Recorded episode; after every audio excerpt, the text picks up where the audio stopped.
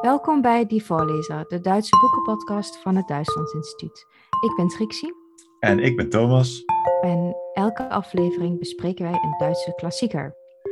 Ja. En uh, deze keer uh, heeft Thomas iets meegenomen. Wat dat, heb je bij je? Dat klopt, ja. Ik heb uh, niet één klassiek werk, maar ik heb een klassieke in de zin van een auteur. En het gaat hier vandaag om Heinrich Heine. En nou vrees ik dat deze podcast, de duur van deze podcast, eigenlijk te kort is om over heel Heine's leven te kunnen praten. Maar we gaan toch een poging doen, zonder het al te lang te maken. Want ik vind echt dat Heine uh, bij ons moet blijven. We moeten hem niet vergeten. En dat komt omdat Heine zo'n interessante en intrigerende man is. Uh, en ook zo interessant en heel, ja, heel boeiend ook heeft geschreven. Niet allemaal even begrijpelijk, maar toch wil ik graag vandaag een pleidooi houden voor, voor het lezen van Heine. Heb jij wel eens wat van Heine gelezen? Ja, Trixie? nou, wat goed. Wat een, uh, wat een mooie opening, Thomas. Ik ben er even stil van. Um, ja, ik heb wel eens wat van Heine gelezen. Ik heb ook wel een keer een uh, zogenaamde crash course Heine gedaan bij uh, Klaus Gille. Oh, ja. Die dus ook eigenlijk groot Goethe-expert was. Maar ehm, Heinrich Heine wist hij ook heel goed over te vertellen. En ik weet nog dat ik dat ontzettend leuk vond. maar toch als ik het dan zelf ging lezen, vond ik het vaak, nou ja, ik vond het soms wat moeilijk te begrijpen. Of ik dacht dat ik het begreep en dan had ik toch het gevoel dat hij het anders bedoelde, of dat ik het verkeerd had begrepen, of dat ik een beetje voor de gek werd gehouden. Uh, dus ik vond het eigenlijk vaak een beetje ja, irriterend of zelfs irritant. Um, om te lezen. Dus um, ik ben, nou, het is niet echt een, um, ik ben geen fan, zeg maar. Ja. Eh, ik, dat snap ik heel goed. Ik snap heel goed uh, dat het lastig te lezen is. en het komt misschien ook wel doordat het zo veel is, maar ook niet heel duidelijk één soort werk. Het is meer een soort verzameling van verschillende soorten gedichtbundels, van reisverhalen, van toneelstukjes. Allemaal heel veel, heel diffuus materiaal eigenlijk allemaal. Ook heel veel, heel veel brieven bijvoorbeeld. Wat het af en toe moeilijker maakt om het te doorgronden. Uh, dat komt onder andere ook door dat, het, dat hij heel veel refereert aan actuele, voor zijn tijd actuele onderwerpen. Of refereert aan actuele onderwerpen. Die wij als 21e eeuwse lezer niet meer helemaal begrijpen. Tenzij je dus helemaal de boeken induikt om het te gaan, op te gaan zoeken wat het nou precies was. En er zijn natuurlijk wel naslagwerken, hele uitvoerige naslagwerken, die dat allemaal tot in de treuren hebben uitgezocht. Met uh, ja, voetnoten uh, van hier tot, uh, tot ginder. Maar um, ik wil eigenlijk vandaag even bij een paar dingen, bij zijn leven stilstaan, om een paar dingen eruit te lichten. Waarom het toch interessant is om Heine te lezen en toch dat Heine ook wel een beetje een soort van visionair was eigenlijk. Hmm. En een visionair, ja, dat, dat klinkt misschien een beetje zwaar, maar ja, ik zie dat als ik dan sommige dingen van hem lees en denk ik, oh ja, wat had je het hier toch bij het juiste eind? Of wat, wat, hoe kan dit dat je dit in uh, 1830 of zoiets, dat je dat zoiets schrijft, dat je er dan toen al zo naar keek.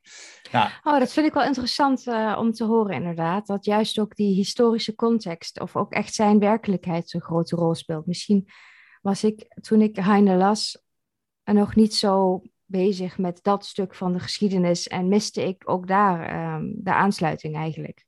Ja. ja. Dat is een belangrijk punt. Ik denk dat je dat goed, uh, goed uitlicht, want als je Heine leest, dan moet je ook wel een beetje, of dan word je ook uitgenodigd om een beetje de historische context te lezen. Want ik denk ook dat zijn werk bepaald wordt door de historische context. Maar ook door zijn eigen, door zijn um, persoonlijke context. En dan zou ik je wat meer vertellen, want uh, nou, Heine uh, wordt geboren niet om de hele biografie van Heine op te noemen, maar ik begin even bij het begin. Heine wordt geboren 1779, uh, 1797 in Düsseldorf. En niet lang daarna wordt Düsseldorf, um, ja, hoort het bij Frankrijk. Napoleon is aan de macht. Dat, is, dat volgt allemaal vrij snel op elkaar. Dus Heine wordt echt in een periode geboren, kort na de Franse Revolutie. Düsseldorf komt onder Franse, Frans bewind te staan. Heine komt zelf uit een Joodse familie. we zijn, ik ben één minuut aan het woord en we hebben hier al heel veel verschillende kenmerken die ontzettend belangrijk zijn bij Heine. Dus Joodse familie, uh, Franse invloeden, doordat hij dus ja, in die tijd wordt geboren, de tijd van de revoluties. En dat zijn ook twee belangrijke dingen die hem best wel tekenen voor de rest van zijn leven. ja, want hij blijft een beetje zo'n revolutionair figuur, toch? Dat, ja, uh, exact. Ja. Ja, ja, Hij blijft die revolutionaire geest, die blijft erin zitten. En uh, dat is ook eigenlijk wat hem uiteindelijk parten speelt in Duitsland. Uh, maar dat zal ik zo verder opkomen. Kijk, hij wordt dus geboren. Hij uh, leeft enige tijd ook in Düsseldorf. Uh, hij maakt dan ook mee dat Napoleon op een dag in Düsseldorf aankomt dat, dat, daar schrijft hij dan ook over. Dat laat hij dan ook weten hoe dat is. En ja, dan vergelijkt hij hem met een van de marmeren standbeeld. Zo mooi zit hij dan daar op dat paard. Nou, dat is ja, gewoon heerlijk om dat al alleen te lezen. Um, dat is dus nog een beetje jonge Heine die we daar uh, ja, horen. Ja. ja. Ja, ja, het is echt een idealist. Dus hij, hij ziet ook heel veel in dat ehm, in die code civiel, hè, die Franse wetten die ingevoerd worden daar in, in, uh, in, in, in Düsseldorf, in die omgeving. Omdat hij, wat ik al zei, hij is Joods. In die code civiel, daar zijn de mensenrechten, of nou, mensenrechten, zijn burgerlijke rechten, zijn best wel belangrijk. En een van die rechten is de gelijke behandeling van Joden en niet-Joden. Joden en christenen, zo je wil. Um, en dat is voor Heine heel belangrijk, want afstammend uit een Joodse familie, heeft hij ook meegemaakt. Hij is een keer uh, naar Frankfurt is hij verhuisd, want daar woonde ook familie. En daar heeft hij uh, een tijd lang in de ghetto's ook gezeten, waar ja, vele duizenden Joden wonen. Hij heeft daar ook al de, het antisemitisme eigenlijk gezien. Hij heeft het ook al aan de lijve ondervonden hoe dat is. En ehm, dat, dat speelt een grote rol, ook in zijn, in zijn wording. Dus hij merkt dan dat het bij, bij, uh, bij de Fransozen of bij, bij de tijd van Bonaparte dat het anders is. Dus hij onthaalt Bonaparte ook wel met een war, warm gevoel. Maar tegelijkertijd, of niet lang daarna, stoot hij hem ook weer af, omdat hij ziet dat Bonaparte, of Napoleon, dat hij dus niet alleen maar de brenger is van vernieuwing, van een soort moderne tijd, maar als hij, uh, als uh, Napoleon zichzelf tot keizer kroont, of zichzelf tot keizer benoemt, ziet hij ook alweer, oké, nu krijgen we dat absolutisme, krijgen we eigenlijk weer terug. Dus dan stoot hij hem weer lichtelijk af. Nou, hier zie je dus alweer een beetje een tegenspraak. Dus, ja, dus hij blijft die kritische geest ook houden. Hè? Dus hij bewondert dan ergens die Franse revolutie. Ja. En um, ook dus inderdaad hoe Napoleon daar verschijnt. Maar hij blijft wel een wakkere blik houden of zo. Het, het verblindt hem niet, die bewondering. Hij blijft wel de vinger op de zere plek leggen dus. Ja, ja, ja hij komt dan ook bedrogen uit. Ja. Zo kun je het ook noemen. Ja. Maakt hem weer kritisch. Nou, en wat tegelijkertijd ook speelt in die tijd, uh, we zitten al heel erg op die historische context, uh, is um, de romantiek. Die komt ook op. Uh, een beetje 1799, vroegromantiek, ja. uh, speelt een rol. Um, met Novalis onder andere. Nou, heel veel van dat soort schrijvers, Schlegel. Wat, wat doet uh, Heine? Heine volgt eigenlijk een soort standaard uh, loopbaan, of in ieder geval studieloopbaan. Hij gaat uh, studeren in Bonn. Hij gaat daar rechten studeren. dat is iets wat veel mensen in die tijd doen. Veel ja, mensen uit een wat betere gezin, beter milieu, die gaan rechten studeren. En hij uh, gaat het dus ook doen in Bonn. En in Bonn krijgt hij les van, of college van Schlegel en van Ernst Moritz Arndt. En dat zijn allebei best wel ja, romantici of romantische schrijvers die het beste voor hebben met Duitsland. Uh, ook best wel nationalistisch denken. Meer ook vanuit het idee, wij zijn Duitsland en ons grote concurrent is Frankrijk. Duitsland was ook heel erg nog op zoek naar een soort van nationale identiteit. Wat is Duitsland nou precies? Nou, daar, zijn, dat, daar kan ik je nog een uur over vertellen hoe dat er allemaal uitziet, maar daar ga ik nu niet te veel op in. Maar, Gaan de romantici ook nog wel eens uh, bespreken? Ja, dat lijkt me ook heel leuk om te doen. Ja. Ja. Uh, nou, Heine groeit dus wel op in die tijd. hij, uh, zijn vroege werken, zijn eerste gedichten, die zijn ook best wel, die lijken daar ook wel op. Die zijn ook wel een beetje romantisch van aard. Heel erg dat gevoel over uh, de natuur als een soort verheven iets. Um, het erhabene, hè, zoals dat dan heet in het Duits. dat, dat merk je daar ook in terug. En een van de bekendste gedichten uit die tijd is het gedicht over de Lorelei. Die heb je ongetwijfeld wel eens gehoord. Ich weiß nicht, was soll es bedeuten, dass ich so traurig bin. Ein Märchen aus alten Zeiten, das kommt mir nicht aus dem Sinn. Nou, enzovoort. Ja. Uh, dat is een gedicht, 1823, 1824, dat hij nog midden in die studententijd zit en nog heel erg beïnvloed wordt door die nationale gedachte, door dat romantische gedachtegoed. Ja. Ja. ja, en toch, als ik het me goed herinner, zit er dan ook iets met een gouden kam en een gouden, gouden haar dat ik denk van, het is ook al net al beetje een tikje overdreven, dat je denkt, is je er ook al een klein beetje uh, de draak mee aansteken. Ik bedoel, de, de vorm is volgens mij, hè, wat je, die eerste strofe super romantisch, maar ik weet nog, als het dan nog helemaal met die gouden kam en het gouden haar, dat ik denk, nou, volgens mij neemt hij het ook al niet helemaal serieus hier ja. of zo. Ja. ja, en dat is dus ook heel kenmerkend voor Heine. Hij heeft die typische ironie, oh, ja. Uh, de, de, ja, de Heinersche ironie. En dat, gaat dan een beetje, dat merk je dan een beetje, dat het over de top wordt. En dat is ook iets wat hij. Uh, hij zegt op een gegeven moment ook. Uh, of hij, hij, keert zich een beetje af van die romantici. Hij zegt: ah, we hebben iets anders nodig nu. We moeten niet meer in die gevoelens blijven hangen. We hebben, iemand, we hebben ook schrijvers nodig die gewoon echt zeggen wat er aan de hand is. Hmm. Um, nou, en dat. Uh, of zeggen wat aan de hand is. Hij gaat in ieder geval hij steekt een beetje de draak met die romantici. Het is, het is volgens hem een beetje klaar op een gegeven moment. Nou, wat ook nog wel leuk is om te weten, is dat die Heine, het is dus een beetje een problematisch persoon. Uh, dat zei je al, het irriteert, het irriteert af en toe als ik het moet lezen. En dat is ook hij was ook niet zo per se heel geliefd. um, hij had toch wel vaak conflictjes. Een van die dingen, een van die conflicten uh, was ook in zijn studententijd. Um, dat was dan bij een, uh, hij was lid van een, uh, een boersenschaft, dus eigenlijk een soort corporale vereniging. En past ook wel een beetje bij de geest van de tijd. Dus hij zit bij die, die, die, die corporale verenigingen, waren redelijk ja, nationaal georiënteerd. Um, duelleren was daar nog iets belangrijks. Dat was eigenlijk ook alweer verboden, maar ze gingen dan nog duelleren met een, uh, met een zwaard. Uh, maar wat had Heine nou gedaan? Heine had, uh, ja, had zich negatief uitgelaten. Daar zijn, de daar zijn de meningen over verdeeld. Of hij had zich negatief uitgelaten uh, over, over andere korpsleden. Of hij uh, was uh, in opspraak geraakt vanwege uh, ja, onzedelijk gedrag. Hij had een keer een bordeel bezocht. Of hij werd uitgesloten, want daar, gaat het daar gaan we naartoe. Hij wordt uitgesloten uit die boerschaft, omdat hij dus Joods is. En daar, zijn dus de, daar is de theorie over verdeeld wat daar nou precies gebeurd is. Of het dat door het bordeelbezoek komt, of dat door mm dus zijn joodheid komt. Maar er is al iets wat, wat, wat, niet helemaal, wat mensen niet helemaal zint aan hem. Ja, het nou, wringt, dat is het, inderdaad wel. Ja, ja. Ja, ja, en dat blijft zo. Het blijft wringen.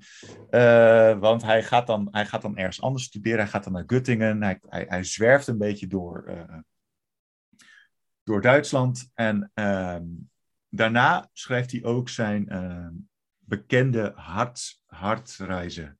Dus een reisbericht uit de hart. En um, dat, is, dat past dan weer in de reizenbeelden. Um, dat is eigenlijk compleet nieuw, hoe, wat hij daar maakt. Hij, het, die, die, die reizenbeelden of die hartsreizen, dat is eigenlijk een soort verzameling van uh, reflectie op hemzelf, hè, gedachtenreflectie. Het is een soort um, ja, natuuromschrijvingen, omschrijvingen van wat hij ziet. Maar ook wel, het, het hangt ook wel een beetje tegen het romantische aan van de mooie natuur, de mooie bomen, de vogels, uh, de, de, een hele personificatie ook van het uh, riviertje de Ilse, die erin terugkomt. Dat is ook wel grappig om te lezen. Uh, en dat, dat ja, doet ook heel romantisch aan. Maar tegelijkertijd is dat bericht wat hij daar schrijft, zitten daar ook best wel scherpe uh, observaties in van de mensen die daar leven. Dus gewoon de, de, de mijnwerkers, die komen erin terug. Um, Er zitten ook gedichten in. Dus het is niet een soort van vast schema waar dat aan voldoet. Het is geen roman. Het is geen uh, reisbericht als, een, als zijnde een reisbericht met alleen maar observaties. Het is geen gedicht. Uh, het is ook dus- geen brief, het is van alles. Het is zeg maar een soort universale kunstwerk. Uh, er zit van alles wat in. Ja, en dat is, daarmee is die wel zijn tijd heel erg vooruit, kan ik me voorstellen. Ik bedoel, dat is misschien iets dat we nu wel vaker tegenkomen, maar destijds mhm. waren die genres nog wel wat strikter als je gepubliceerd wilde worden, in ieder geval. Ja. Dus dat is wel interessant. En uh, je, je hebt het over de natuur, maar ook bijvoorbeeld over de mijnwerkers daar. En die observaties um, begint daar dan ook alweer een beetje die maatschappijkritiek, die, dat revolutionaire van hem, zeg maar? Ja. Uh, of gaat dat wel echt vooral over hoe hij daar, wat hij voelt en hoe hij daar loopt? Nou, dat, inderdaad, die maatschappijkritiek zit er ook in. Het is nog niet zozeer echt een maatschappij. Nou ja, eigenlijk wel. Hij, is namelijk, hij laat zich ook best wel negatief uit over de mensen die dan in Guttingen wonen. Hij schrijft daar iets over, ja, uh, Guttingen telt zoveel mensen oh, en zoveel stuks vee. En eigenlijk wat, wat komt erop neer dat dat veel belangrijker is dan wat die mensen daar doen. Dus heel erg zo, dat kritische. Ja, en dat, dat, de stad Göttingen is beroemd, uh, is beroemd van zijn worsten of zoiets, kan ik me herinneren. Een stad die beroemd is van zijn universiteit en zijn worsten, geloof ik. Ja, ja. Nou, ja zoiets. Dus het een beetje op de hak nemen al van wat daar gebeurt. En dat, dat die kritische noot, uh, dat ja, ook wel een beetje ja, pedant, kan je dat? Ja, dat zit er ook wel een beetje in eigenlijk. Uh, dat zit, er, zit al in die uh, hartsreizen. Wat overigens een zeer oh, groot succes was. Het werd uh, veel verkocht en gelezen. Dus dat is, dat is zeer goed. Um, ja, eigenlijk na die hartreizen ehm, ja, maakt hij, gaat hij naar Berlijn, maakt hij nog wat dingen mee. En daar schrijft hij al over zijn. daar begint eigenlijk ook wel een beetje zijn uh, nationaal of nationalistische kritiek te ontstaan. Hij schrijft daar ook over boersenschaftelen, uh, dus die koorleden die zich dan heel erg uitlaten over uh, dat, dat Deutschtum. Dus dat je, ze wilden daar geen Frans horen, je moest dan Duits praten. En daar laat hij zich al over uit. Daar, daar uh, schrijft hij Ja, volgens mij waren die Burschenschaften ook wel dubieuze clubs vaak. Ja, maar die speelde natuurlijk ook een grote rol in de, in de bevrijding van uh, Napoleon uh, voor de Duitsers, in ieder geval van Pruisen. Die hebben daar ook een belangrijke uh, ja, rol gespeeld in, in de bevrijdingsoorlog. Ja, dus die trots kwam wel ergens vandaan. Ja, ja, ja, absoluut. Ja. Ja, ja, Nou goed, en, en, en eigenlijk ehm, duurt het niet lang. Dan, gaat hij, dan verhuist hij naar Parijs. En dan want steeds meer werken van hem, steeds meer dingen, die worden uh, gecensureerd. Dus een erg grote, grote censuurmachine mm. aan de gang eigenlijk. Dit hele Pruisische heerschappij, die censureert veel van zijn werken. Ofwel om politieke redenen, ofwel om kuisheidsredenen. Aha. dat hij een keer schrijft, ik lig hier op je borst, maar dat moet dan veranderd worden naar schouder.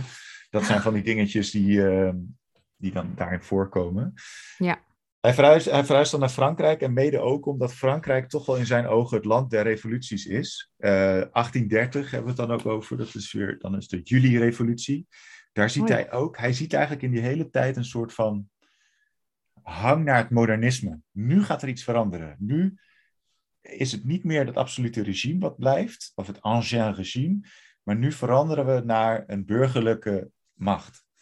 Dat is iets wat hij de hele tijd eigenlijk ook wil. En wat hij ook voor Duitsland wil. Hij is namelijk pro-Frans, maar ook pro-Duits. Je zou eigenlijk een soort die Frans-Duits as, die, die is in hem echt heel goed vertegenwoordigd.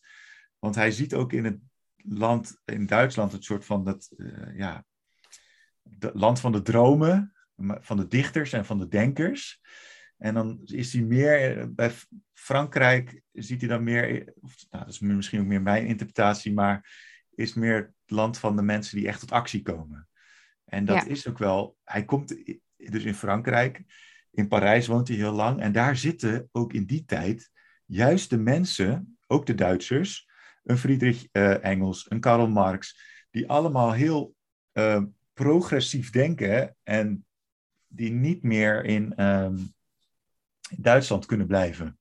vanwege hun gedachten. Dus die Ja, verhuizen dan naar Frankrijk ja. omdat ze daar dan tot actie kunnen komen. En in die eh, sferen en in die kringen, daar zit hij ook. En daar ontmoet hij dus, ja, dus Marx, maar ook ehm, komt hij in aanraking met, het, eh, met de socialisten eigenlijk uit die tijd. Dus die stromingen, die, die ideologische stromingen die dan allemaal opkomen, daar komt hij ook heel veel mee in aanraking. En dat is dus ook iets wat je ja, terugleest bij hem. Het is wel, ik moet zeggen, het is wel allemaal redelijk fragmentarisch.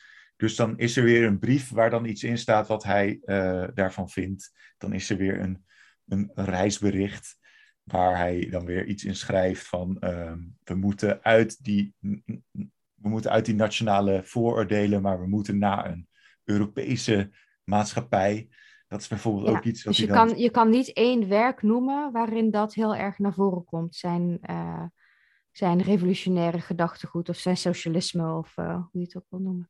Nee, nee. Het zit, zit een beetje overal en nergens. Ja, ja, klopt. En dat maakt het, wat je ook al zei, maakt het best wel lastig om hem te lezen. ja. Ehm, maar toch, ja, het is. Nou, ik, één stukje, want hij, ik, ik, daar- ik gaf het al even kort aan.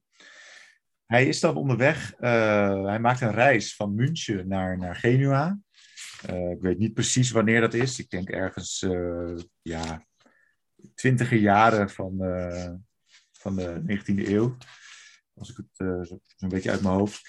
Ehm, en hij komt dan ergens tussen eh, München en Genua komt hij dan op een slagveld, een oud slagveld uit de tijd van Napoleon.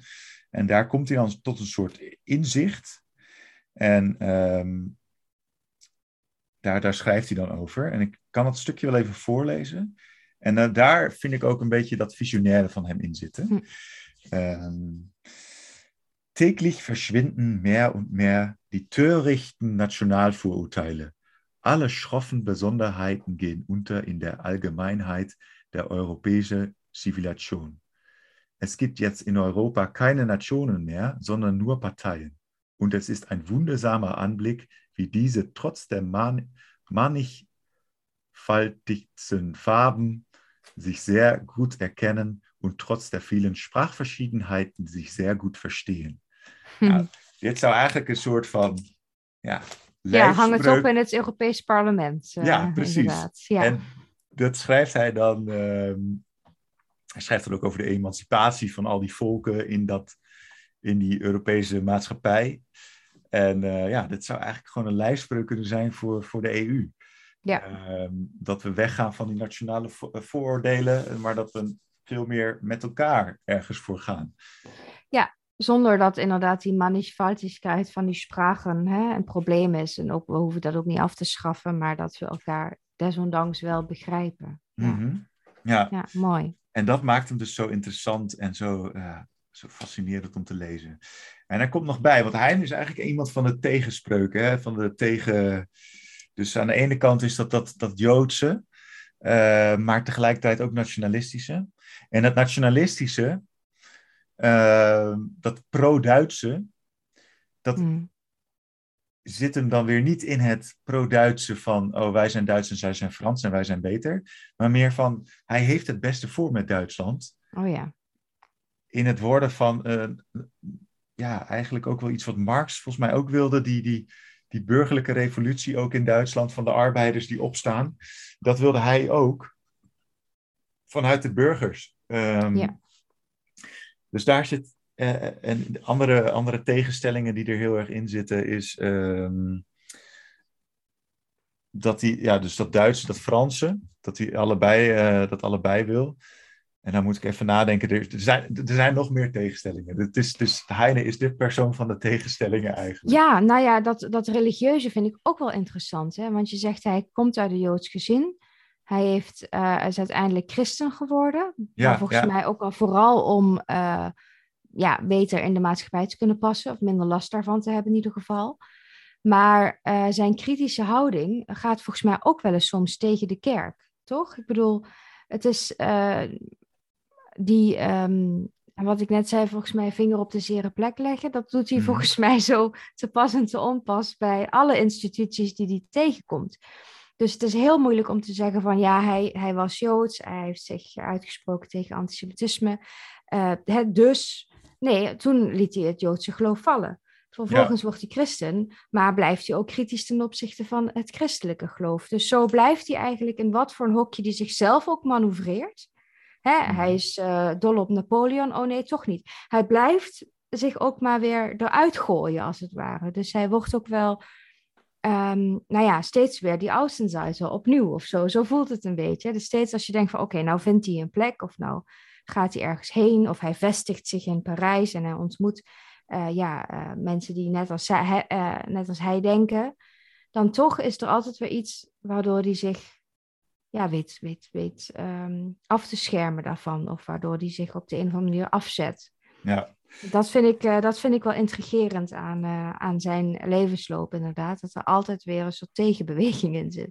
Ja, dat is het ook absoluut. En, en ja, hij heeft dus best wel die problematische relatie ook gehad met, met Duitsland, met de Duitse regering, of de Duits, ik zeg Duits, maar eigenlijk Pruisisch. En hij komt dus vanaf 1830 komt hij niet meer zo vaak in Duitsland, want hij komt er, komt er gewoon niet in. En hij hmm. komt nog, volgens mij één laatste keer of nog een aantal keer komt hij nog terug. En een van die laatste keren is ook uh, het moment dat hij eigenlijk, uh, naar aanleiding daarvan schrijft hij Duitsland een Wintermärchen. En als oh, ja. hij dan toch een werk moet noemen, wat dan heel goed bij hem past. Uh, en ook wel goed Heines uh, die vinger op de zere plek, wat dat heel erg uh, in zich heeft, dan is dat dit werk. En dit is ook wel zijn bekendste werk. Het is, een, het is een, eigenlijk een soort ja, in dichtvorm geschreven verhaal. En dat begint met de, met de ja, bekende strofe. In traurigen Monat November was, die Tage wurden trüber, der Wind riss von den Bäumen das Laub, da reiste ich nach Deutschland hinüber. Nou, ja. dus je ziet hier al, het heet ook Wintermärchen. En wat weer natuurlijk weer een verwijzing is naar uh, Shakespeare's Sommermärchen. Dat dat oh, Duitsland, dat zit in die winter. Dat moet uit de winter. En hij niet ziet... met zijn zin om te reizen als je dat zo hoort in de treurige novembermaand. Nou, vooruit, hè? Zo, ja. Precies, ja, ja, ja. En, dat, en in dit werk, in die, dat, dat wintermerkje, is het eigenlijk een soort gesprek tussen Heine, of tussen de schrijver, of nou niet de schrijver, maar de hoofdpersoon. Die ziet dan elke keer weer dingen terug uit zijn vaderland, wat hij zo lief heeft. Um, en dan ziet hij dan ook uh, ja, dingen, hoe het niet goed gaat met dat land. Hij heeft bijvoorbeeld uh, een mooi uh, voorbeeldje daaruit, is een gesprek dat hij heeft met Vater Rijn.